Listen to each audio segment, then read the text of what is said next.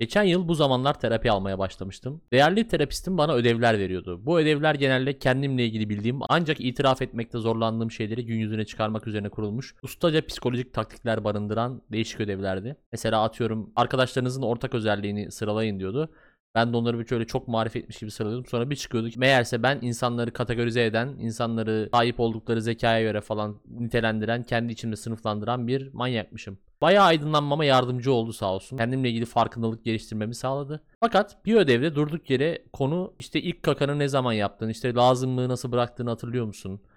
İşte altına işer miydin falan gibi konulara geldi. Başkası olsa manyak mı ya bu kadın falan derdim ama psikoloğuma güveniyordum. Beni bilen bilir pozitif bilime, psikolojiye falan çok güvenirim. Sonradan anladım ki bunların psikolojide oldukça önemli bir yeri varmış. Özellikle bebeklik zamanlarında. Şimdi sizi psikolojik terimlere boğmayacağım. Zaten boğamam da hakim olduğum bir konu da değil. Peki madem Serdar niye böyle konuya girdin falan diyecek olursanız ben bu bölümde sizlere kişisel boşaltım tarihimden bahsedeceğim biraz. Başlıyoruz. Şükündür. Çıkındır. Çıkındır. Çükündür. Çükündür. Şükündür. Onu da duydum ama şükündür. Şükündür. Çükündür. Çükündür.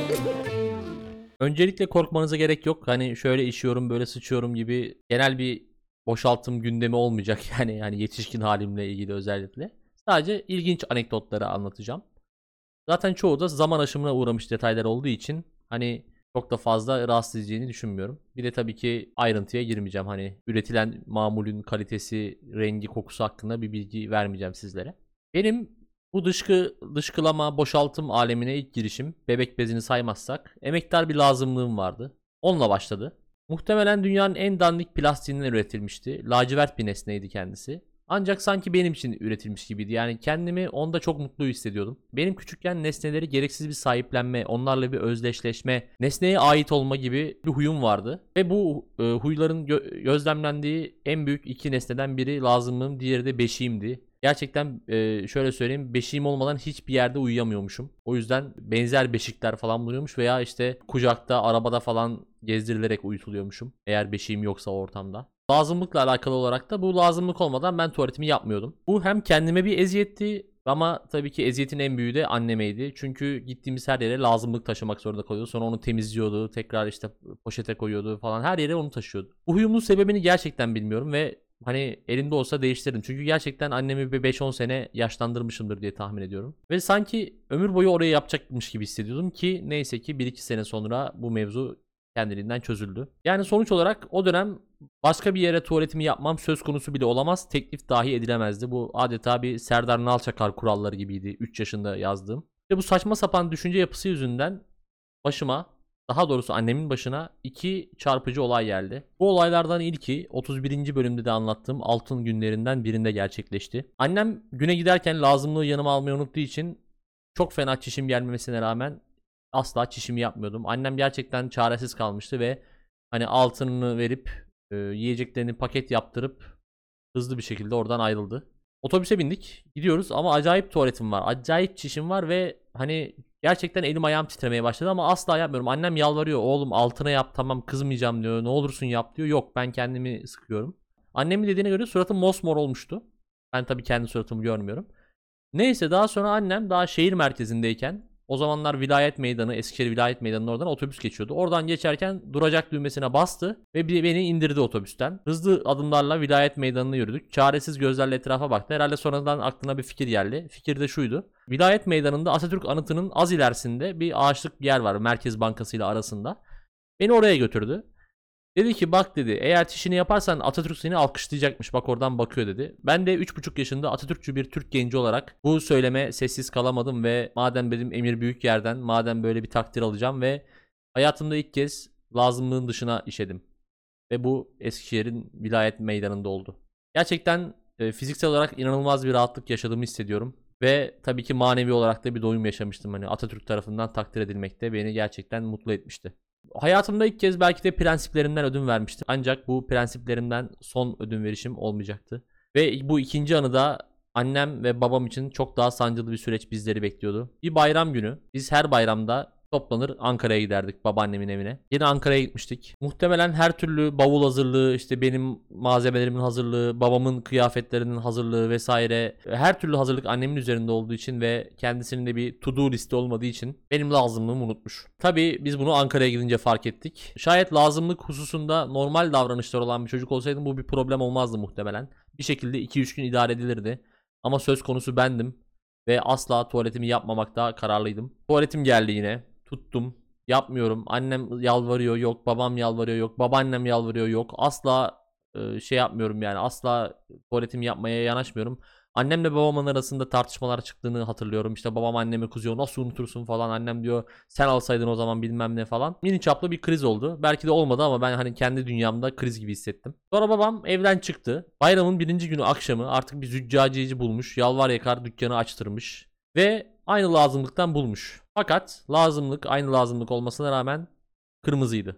Lacivert değildi. Eve geldiğinde babam beklentiler yüksekti ama ben o lazımlığı da beğenmedim. Çünkü hani sonuçta aynı lazımlık değil. E Bu çok bariz. Renkleri tanıyalı nereden baksanız 7-8 ay oluyor. Beni bununla kandıramazsınız kardeşim şeklinde bir söylemim oldu. Fakat daha sonra beni çok güzel tavladılar. O da şu şekilde. Dediler ki bu lazımlık senin lazımlığın kardeşiymiş. Ben öyle olunca ha tamam o zaman yabancı sayılmaz diye tuvaletimi yapma kararı aldım. Tabi yine inanılmaz fiziksel bir rahatlama. Evde bir coşku. Serdar çişini yaptı diye. Herkes çok mutlu. Herkes zil takıp oynama seviyesinde. Annemle babamın arasındaki gerginlik azaldı. Bir anda aileyi birleştiren bir unsura dönüştüm. Fiziksel olarak rahatlamıştım. Manevi olarak rahatlamıştım. Kimse kavga etmiyordu ve herkes seviniyordu. Ama prensiplerimden ödün verdiğim için kendimi çok rahatsız hissediyordum.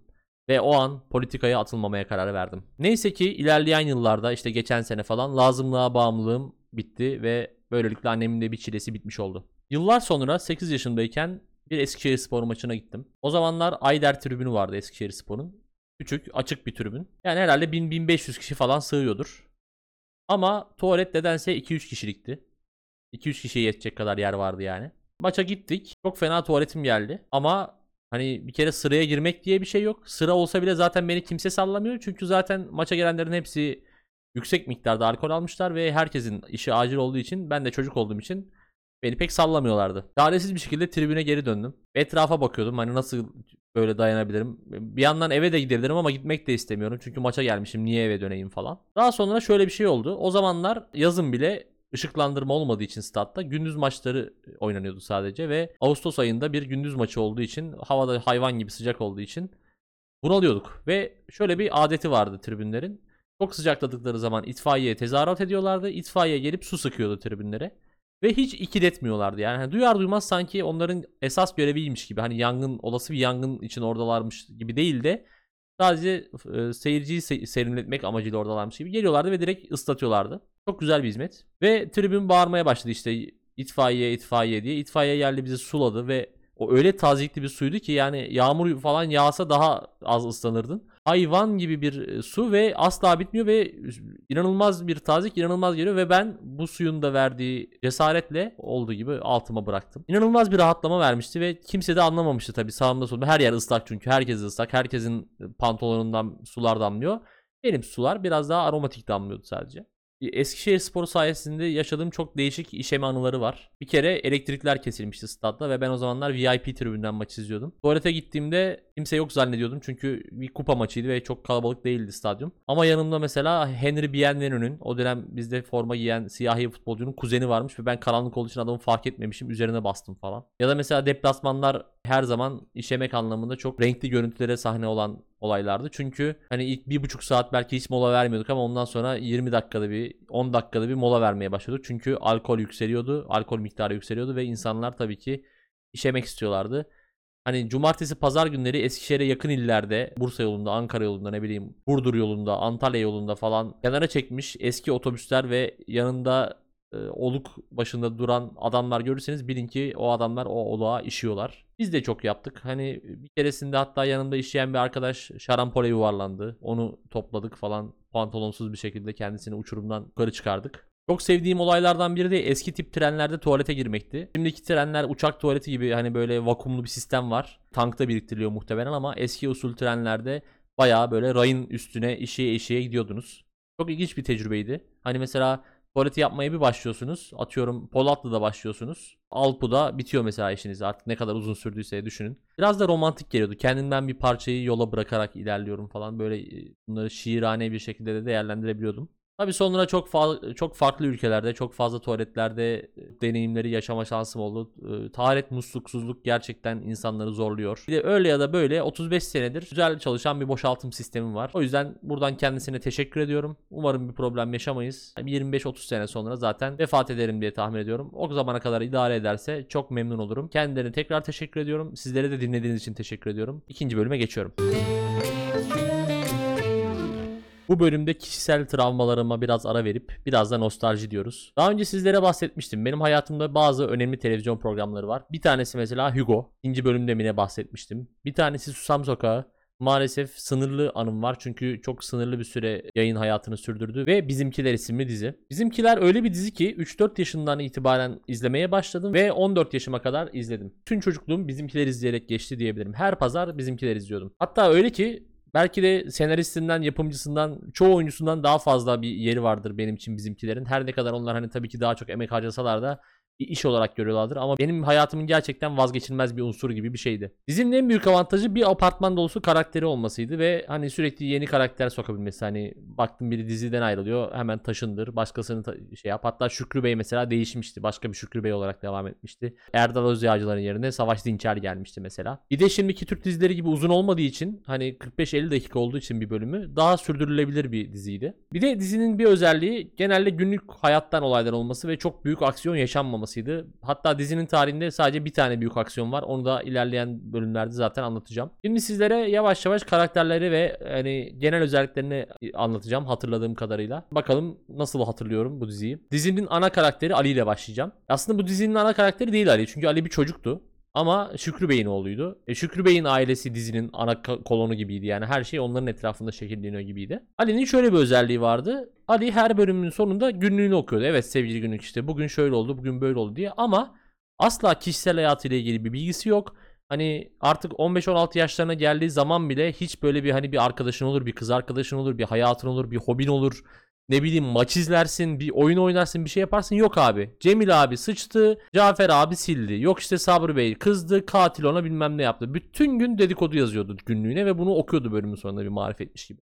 Tabi bu bende şu anki izlenimlerimle hani Ali'de bir potansiyel bir seri katil, bir sosyopat gelişiyor mu izlenim uyandırdı. En en iyi ihtimalle de Ali maldı yani. Ali'nin biraz kafası kıttı. Tabi Şükrü Beyler gibi maddi durumu iyi, modern, batılı bir aileden gelen ve bu maddi manevi imkanlara sahip bir çocuğun böyle olması beni oldukça üzüyordu.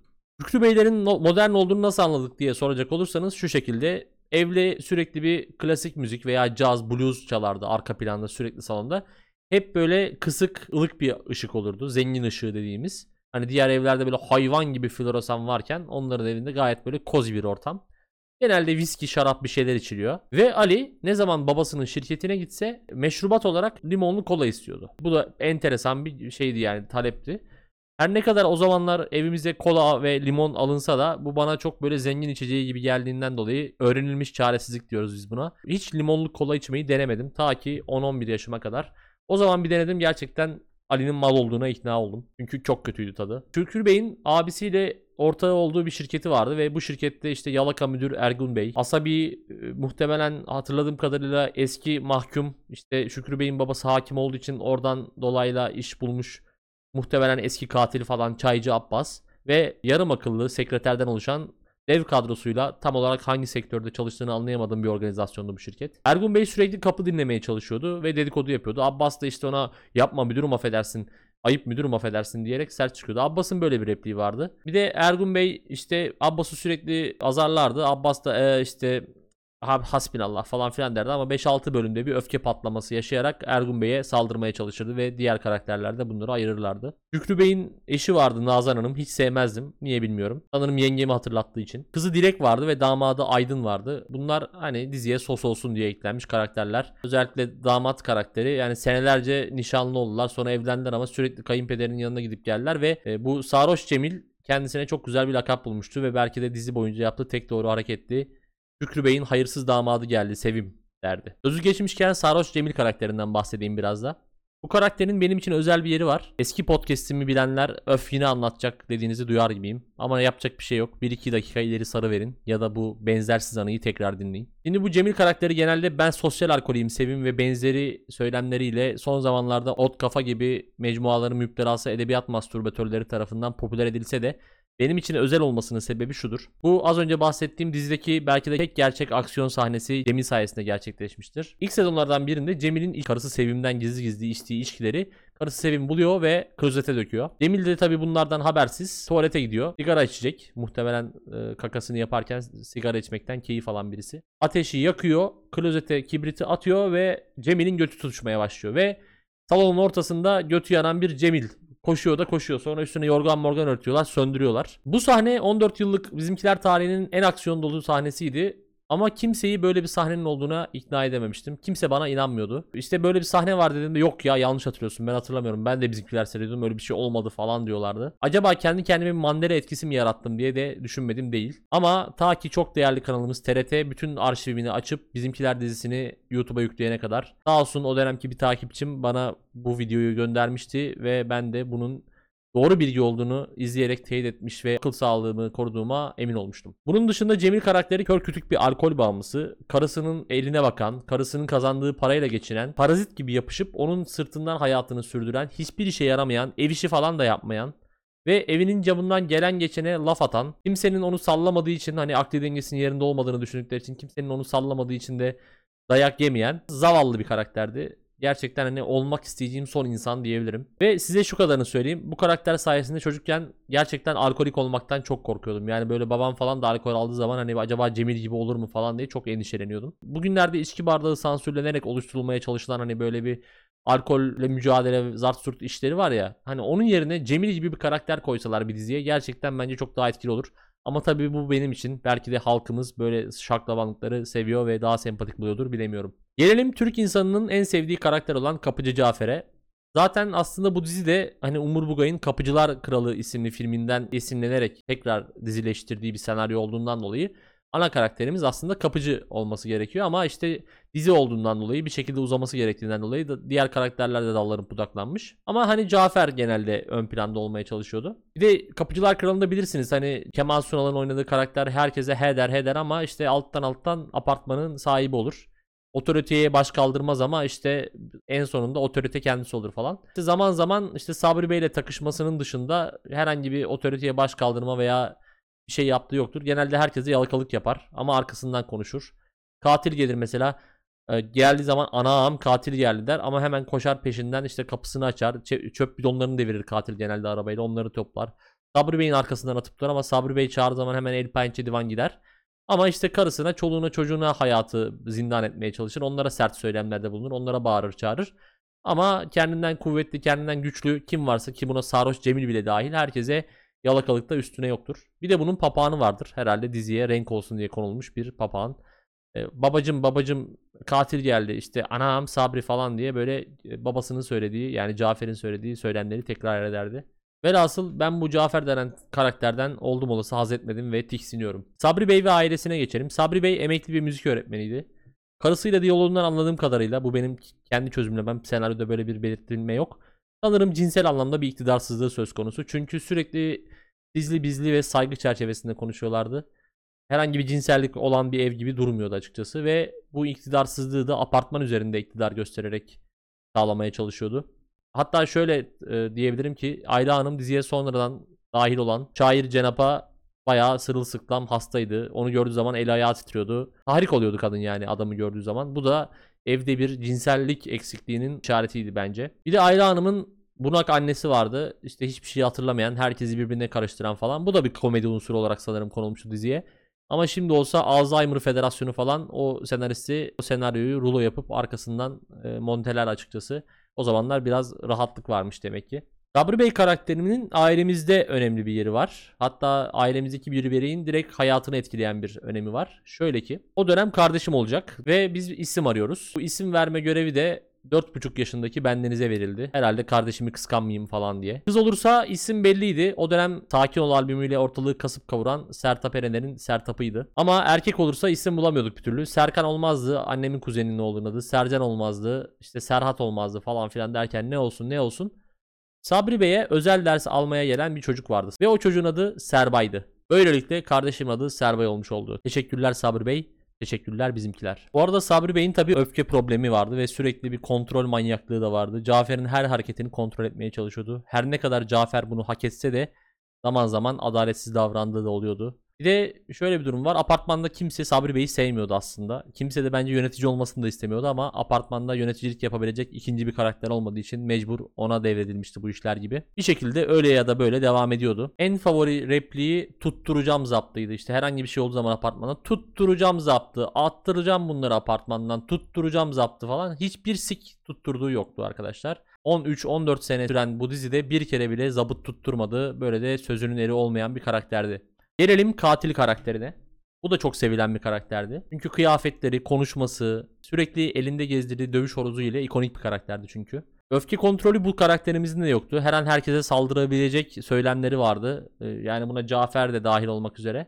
Bir tek Sarhoş Cemil ve Almancıların Dumkov oğlu Halis'e te- temas gösteriyordu. Onlara herhangi bir agresiflik göstermiyordu. Sanırım akli dengelerinin yerinde olmadığının bilincine vararak hani bilinçli bir vatandaş olarak onlara saldırmıyordu. Ama onun dışında kim varsa her an saldırabilecek gibiydi. Hayvan dövüşü yaptırsa da işte karısı ya da nikahsız olarak yaşadığı kadını dövse de öfke problemleri olsa da yasa dışı işlere bulaşsa da artık uyuşturucu mu ticareti yapıyordu neydi belli değil. Yine de vatandaşa cartçurt yapılmaması konusunda oldukça ısrarlıydı. Çünkü vatandaşa cartçurt yok diyordu sürekli. Araba park ederken çöp bidonlarını devirirdi. Cafer bunları kaldırırdı. Cafer bunun arkasından sallardı. Ama o her zaman Sabri Bey'e karşı Cafer'i korurdu. Bu da C- Cafer'in ne kadar yavşak olduğunu tekrar gösteriyor. Belki de kendisini koruyacak olan tek figür hakkında sallıyordu Cafer. Sanırım bu böyle hani şey mafya figürü. Pablo Escobar gibi hani yasa dışı işlere bulaşıyor ama halkının da yanında gibi bir imaj verilmeye çalışılmıştı sanırım.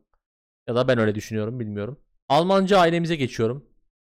Almanya'dan kesin dönüş yapmış olan tesisatçı Davut Usta ve Almanya'dayken köylü karısını terk ederek evlendiği Ulrike ya da Ulviye Hanım. İlk karısından olma muhtemelen IQ'su 10 ila 30 arası olan Halis isimli kardeşimiz ve ne alakaysa yeğenleriyle birlikte dördü aynı evde yaşıyorlardı. Ulviye Hanım hariç hepsi aynı tesisatçıda çalışıyordu. Davut Usta her ne kadar iyi bir karakter olsa da oğlunun ne kadar büyük bir döl israfı olduğunun farkında olduğundan hayatı ona zindan ediyordu. Onu disipline etmeye çalışıyor. Belki de Alman disiplinini uygulamaya çalışıyordu ama başarılı olamıyordu. Çünkü çocuk gerçekten aşırı maldı. Yani beni ekran başında cringe ettiğini hatırlıyorum 8-9 yaşındaki halimle. Oğlu da yani tamam kafası çalışmıyor ama aynı zamanda da seksomanyaktı. Özellikle Sabri Bey'in eşi Ayla Hanım'a takıktı. Yumuşak yumuşak falan diyordu. Sürekli meme vurgusu yapıyordu kendisine. Bunların yeğeni de tam işte köylü çakalı mal bir çocuktu o da çok bir numarası yoktu öyle onu da koymuşlar oraya e, salata gibi.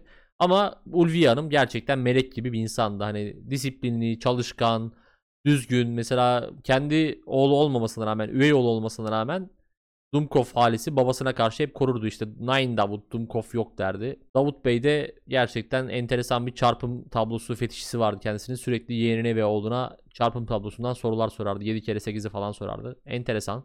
Bu Halis karakterine 2000 yılında bir Gima reklamında rol verildi ve sanki yeterince mal değilmiş, yeterince hani böyle cringe değilmiş gibi bir de daha da palyaço gibi olsun. Daha da böyle artık gerizekalıların da gerizekalısı gibi gözüksün diye kocaman bir papyon takılmıştı kendisine. Bunu da hiç unutmam. Gelelim daha gereksiz bir karakter olan Tak Tak Sedat'a. Bir özelliği yoktu. Sadece dolandırıcıydı. Ve sürekli işte kolay yoldan para kazanmak, işte birilerini dolandırmak, birilerinin ar- arkasından iş çevirmek falan gibi şeylerle hayatını kazanıyordu. Katilin şirketine geçti sonradan. Onun şirketinde çalışmaya başladı ama ondan da para tırtıklıyordu falan. Birkaç kere bu tespit edildi. Katil kendisini dövdü vesaire. Ama sonuç olarak hep katilin yanında takılmaya devam etti sonrasında. Apartmana sonradan taşınan şair ve ressam ikilisi vardı. İşte İbrikçi ve Az önce bahsettiğim işte şair. Cafer'in kayınpederi Halil Pazarlama var. Efendime söyleyeyim Halil Pazarlama'nın karısı var. Onun kardeşi var bilmem ne falan. Bir, bir çok gereksiz karakter vardı. Artık bunlardan bahsetmeyeceğim. Yeterince beynimde yer işgal ediyorlar. Podcast süremi de işgal etmelerini istemiyorum. Bizimkilerin son bölümünü hatırlıyorum. Ali askerden dönüyordu ve işte klasik askerden dönen dizi karakteri ne yapar? Kapıyı açar açmaz tekmil verir. Yani insanın bir otogardan almaya gitmez mi? Yok. Ve herkes evde bekliyordu. İşte kapıyı açıyor Ali ve şey yapıyor. Tekmil veriyor anasına babasına. Herhangi bir güneş yanığı falan yok. Yani ne biçim bir askerlik. Neyse 14 yaşındaydım bu dizi bittiğinde son bölümünde ve adam askerden döner dönmez yine günlüğüne sarıldı. Yine işte şöyleydi böyleydi hayatta şöyleydi böyleydi zaten diye olanlardan bahsediyordu. 14 yaşındayken biten diziyi nereden baksanız 10-11 sene izlemiştim. Çok büyük bir mesai harcamıştım. Dizinin son bölümü yayınlandığında ne hissettin diye soracak olursanız gerçekten hiçbir şey hissetmedim. Hani Truman Show'un son sahnesi vardır ya böyle Truman'a hayvan gibi tutkun insanlar, sürekli izleyen insanlar program bitince hemen başka kanala geçerler. Aynı o hesap başka kanala geçtim. İlginç bir anekdot. Dizi yayından kaldırıldıktan tam bir hafta sonra ülkede seçim oldu ve AKP kazandı. Bu da enteresan bir durumdur. Bence çok saçma bir durum var ondan bahsedeceğim biraz da. Bu bizimkiler gibi uzun soluklu süren bir klasik olan bir dizi. Başka bir ülkede olsa ve o hep bir apartmanda çekilse, hep aynı binada çekilse muhtemelen o binayı korurlar. Müze falan yaparlar. En kötü ihtimalle girişine falan bir tabela asarlar. İşte bizimkiler dizisi bu apartmanda çekildi falan diye. Ama araştırmalarıma göre, araştırmada Google'da aratmak. Apartman kentsel dönüşüme girecekmiş. Yani yıkılıp yenisi yapılacakmış. Ah çocukluğumu yıkıyorsunuz. işte çocukluğumu elimden almayın falan gibi romantik e, tavırlara tabii ki girmeyeceğim. Adamın kendi malı yıkar da yeniden de yapar kime ne. Sonuç olarak sosyopat ve geleceğin potansiyel seri katili Alice ile Batı özentisi kapitalist Şükrü Bey ile Yalaka karaktersiz, kaypak, dedikoducu pislik, kapıcı Caferi ile iktidarsız, öfke kontrolü olmayan pislik insan Sabrisi ile ve nevrotik karısı Ayla'sıyla sarhoşuyla, dolandırıcısıyla, mafyasıyla, seksomanyağıyla bizi bize anlatan sıcacık bir diziydi bizimkiler. Belki de hayatıma girmeseydi beynim bir tık daha temiz bir yer olabilirdi. Belki birkaç formül daha ezberler, ÖSS'de daha iyi bir yerler kazanırdım bilmiyorum. O zaman bölümü Ali gibi kapatayım. Bugün Cemil abi aşağı kustu. Zaten hayatta birer kusmuk değil mi? Hangimiz kusmadık ki? Neyse önümüzdeki bölümde görüşmek üzere.